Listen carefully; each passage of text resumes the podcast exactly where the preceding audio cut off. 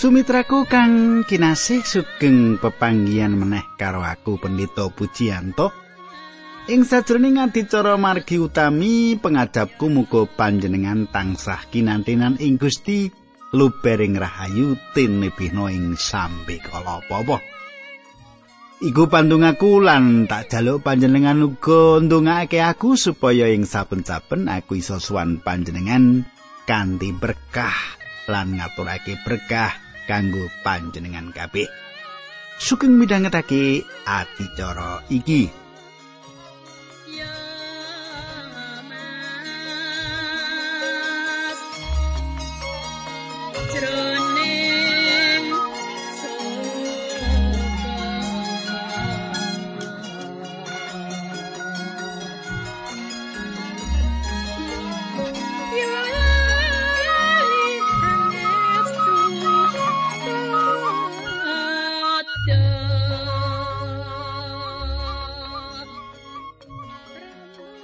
Sumitraku, adicara kepungkur panjenengan wis pirsa gegayutan biung sing lagi wae mbabarake anake.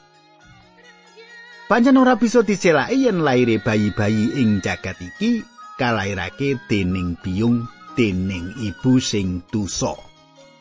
Mula kabeh padha merlokake sih rahmate Allah. Supaya apa? Supaya keluaran saka dosane. Kabeh manungsa merlokake kawilujengan kanthi rah pangorbanane Gusti Yesus Kristus ing kayu salib. Ya mung sarana dalan iku dosane manungsa ditebus. Kepriye munggo teruse andaran ing adicara iki?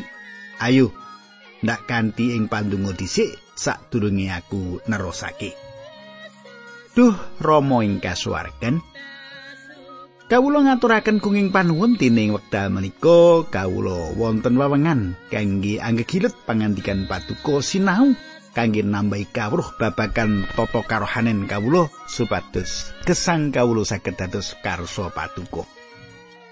Wiwitan ngantos pungkasaning adicara kawula pasrahaken wonten ing asta patuko linambaran asmanipun Gusti Yesus Kristus. Kawula ndedonga. Haleluya. Amin.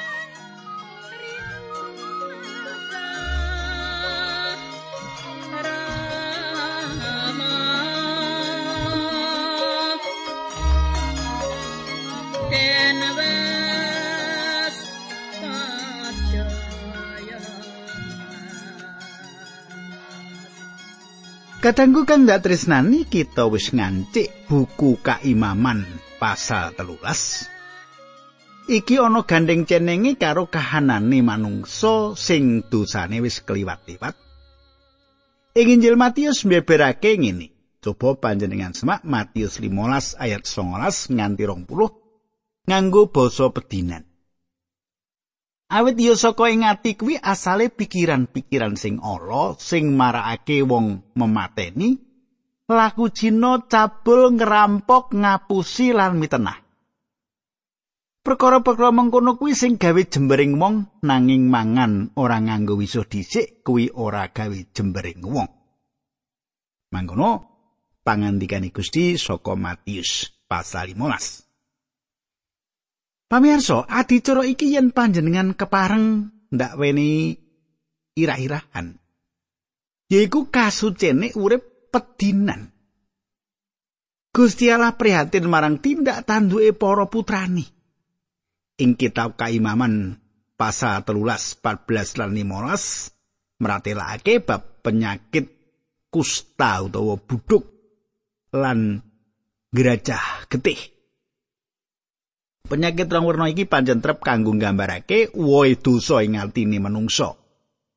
Gambaran dosane manungsa sing keliwat-liwat lan pungkasane ngunduh woe sing rupa penyakit mau. Sing dadi isi baku ing buku kaimaman yaiku dosane manungsa. Loro kusta, lepra, buduk iki penyakit sing gawe jijik kaya dene jijike pakarti dosane manungsa. Nalika iku yen ana wong kusta, lepra sing lagi mlaku ing dalan kudu kanthi nguwuh-nguwuh najis, najis, najis. Panguwuh iki sanyatane ngelingake marang para wong Israel yen padha gupak ing dosa uripe sing merlokake pangruwat amrih lebur dosane saka pakaryane Allah. Pangruwat amrih lebur dosane saka pakaryane Allah. Kanyatane ora mung wong Israel sing nandang dosa nanging kabeh manungsa klebu panjenengan lan aku kuwi ya wong dosa. Mesti wae yen panjenengan menggalih yen bisa luar saka dosa kanthi ikhtiar dhewe iku ora bener. Panjenengan ora bisa luar saka dosa kanthi kekuatane kanthi pambudidayane dhewe. Panemu kang kaya mengkono iku kliru, ora bener, ora bakal. Pakarti panjenengan, ikhtiar panjenengan bisa nuntun panjenengan kanggo sowan marang Allah ing swarga. Luare dosa saka urip kita mung sarana percaya marang Gusti Yesus Kristus. Yo juru wilujenge manungsa cak jagat iki. Gusti Yesus iku kang dadi juru wilujenge manungsa lan jagat iki. Dadi upamane Allah ngersakake donya iki ajur muwur tanpa dadi bisa wae nanging panjenengane Allah tresno marang kita ya mung sarana rasa tresnane Allah marang kita sing ndadekake Allah nyabari kita apa sing didhawuhake Allah marang Israel uga sing didhawuhake marang kita utamane bab dosa sing digambarake kaya jijike penyakit kusta dosa kuwi digambarake kaya nek kita nyawang wong loro kusta, penyakit kusta kanthi kire-kire, kanthi cicik. Ya cicik, cicik. Ya ora cicik ya cicik ya. Nah, bab iki bola-bali dielingake marang kita ana ing kitab kaimaman iki. Saiki coba panjenengan semak Mazmur pasal 38 ayat papat. Mengkini surasani, margi saking paukuman paduka badan kawula sakujur, mboten wonten ingkang sares. Balung kawula mboten wonten ingkang wetah margi saking dosa kawula. Ayat 6. Koreng-koreng kawula bosok mila mambet margi saking keblinger kawula. Ayat 8. Margi pangkean kawula aboh sedaya daging kawula mboten wonten ingkang wetah. Ayat 19.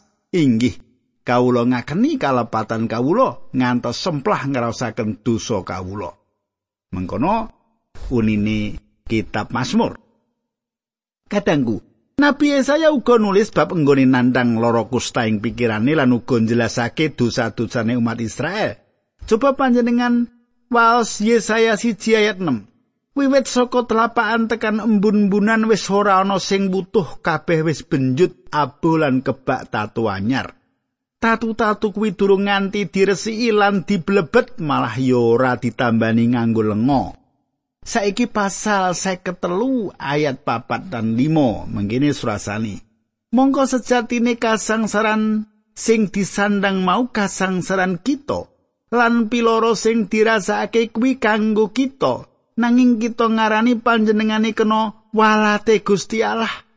Satemene nggone ditatoni kuwi merga saka dosa kita lan merga saka piolo kita panjenengane digebaki. paukuman sing disandang ing sarirane kuwi sing nekakake keselamatan kita lan bilur-bilure kuwi sing marasake kita. Katanggu gambaran mau nelakake dosa sing dipatrapake marang Gusti Yesus Kristus dening Allah. Apa panjenengan percaya bab iku? Kitab suci dawuh mengkene. Coba tak wacake siji Petrus loro ayat 4 Sang Kristus piyambak wis ngrembat dosa-dosa kita srana sarirane kasalib kuwi supaya kita padha luar saka panguasane dosa tegese ora gawe dosa meneh srana badan kita lan padha nindakno kersane Allah merga saka bilur-bilure Sang Kristus kowe wis padha diwarasake para pamirsa sing mesti sing mesti kita iki bakal mati jalaran dosa kita. Nanging kabeh mau wis dipatrapake sarta ditanggung ing sarirane Sang Kristus sing sedo ing kayu salib. Jalaran saka bilur-bilure kita diwarasake. Dosa sing ana uripe manungsa jalari tekane pati lan penyakit ing uripe manungsa. Ana tetimbangan rong werna sadurunge kita nyinau pasal iki. Angka siji ing biyene ana panemu yen lara lepra ora bisa diwarasake. Iku cengkah karo isine kitab suci yen penyakit kusta bisa diwarasake. Kaya sing ditulis ing Kaimaman 14 ayat loro lan uga ing loro raja-raja 5 nyritakake panglima Naaman sing waras saka lara kusta kanthi kedadian ngedap-edapi ora bisa kenalar dening manungsa. Kaya dene warase Ayub saka kasangsaran sing padha karo Naaman. Jalaran ora ana pamriksa penyakit kusta mau kanthi sing nganggo ilmu. Mula ana sawetara panemu sing dhewe-dhewe duwe pikiran, duwe panemu, duwe kira-kira. Ing nalika iku wis ana bangsane obat-obatan sing dinggo nambani lara lepra kuwi.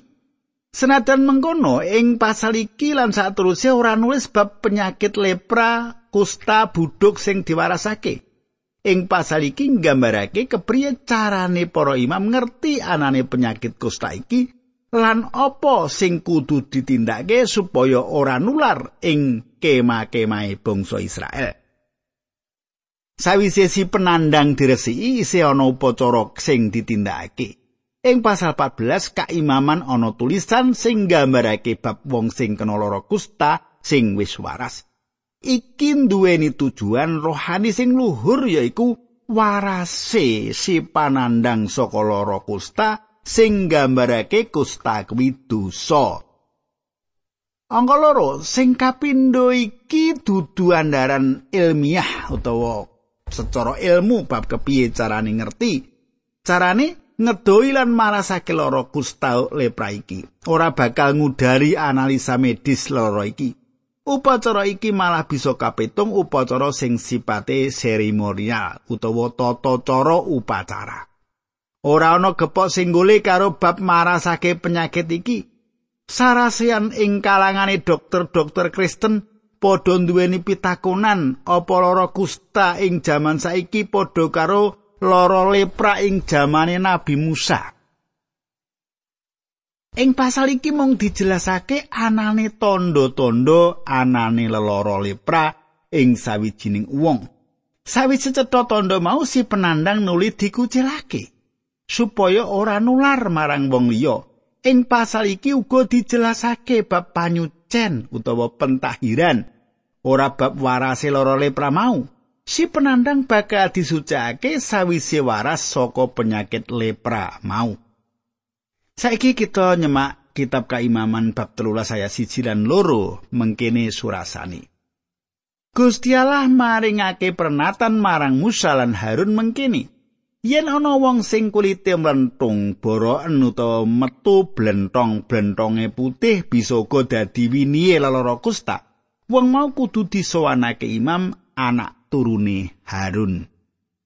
Sumitraku, kanthi paneliti sing modern, pemeriksaan sing modern, cara nemokake penyakit lepra ing kaimaman cetek. Pancen tebane pangerten bab kesehatan lagi tekan semono. Panliti pamriksa ora dipikirake kepriye carane nambani lan pangrimat sateruse, mung ada dasar kanggo upacara agama wae. Ing jaman saiki kanthi permati teliti dokter nganakake panelitian. Marang pasiene diperiksa sing tenanan. Nganti cetha lara apa sing lagi dilakoni dening pasien mau. Sadurunge diperiksa kanthi teliti istilah di biopsi lan cetha asile penyakit kanker ora bakal dianake operasi. Dadi ing nalika iku manungsa wis padha ngerti anane penyakit kusta. Para imam wis nindakake ewon pamriksa marang wong-wong sing ana tondo-tondo lara lepra. Bisa uga ing jaman iku pamriksaan para imam mau wis kagolong cara sing apik. Cara sing maju. Nang ya iku mau ing babab panyucene para panandang ada dasar cara ritual agama. Dudu jelase warase si loro secara badani utawa fisik. Ing pameriksaan para imam ana telung perkara sing bisa dideleng. Ana bagian awak sing abuh, banjur ana bangsane koreng utawa tumor cilik ngono, lan ana tandha belang lamat-lamat warnane putih ing kulit. Iki tandha-tandha penyakit kusta lepra. Nanging ora saben wong sing duwe tandha-tandha mau mesti lara kusta utawa lepra utawa buduk.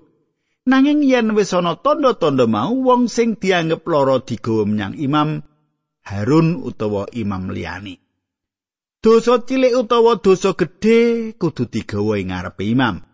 Kaya dene dosa sing kita tindakake, gedhe utawa cilik, kudu diaturake ing ngarsane imam agung kita, tabib agung kita. Gusti Yesus Kristus. Yen panjenengan nindakake dosa, enggal sowan ing ngarsane nyuwun pangapura lan dosa mau aja dilakoni meneh. Yen panjenengan lagi nandang gerah, kudu luwih dhisik suwana marang panjenengane supaya diparingi waras. Iki ora teges yen panjenengan ora perlu pitulungane dokter. Saiki kaimaman ayat telu bab telulas mengkene surasane.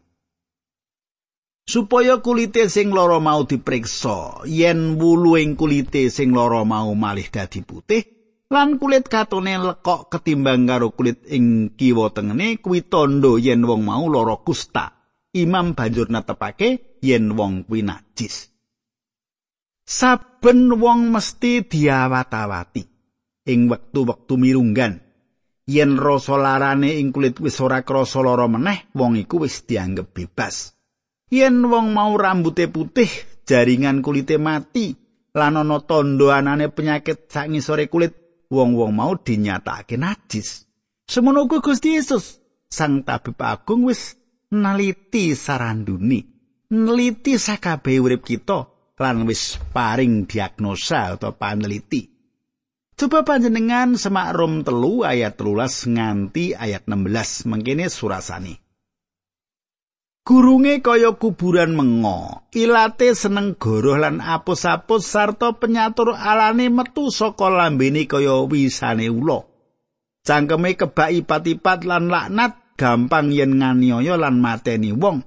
Saenggon-nggon nganakake karusakan lan nuwuhake kasangsaran.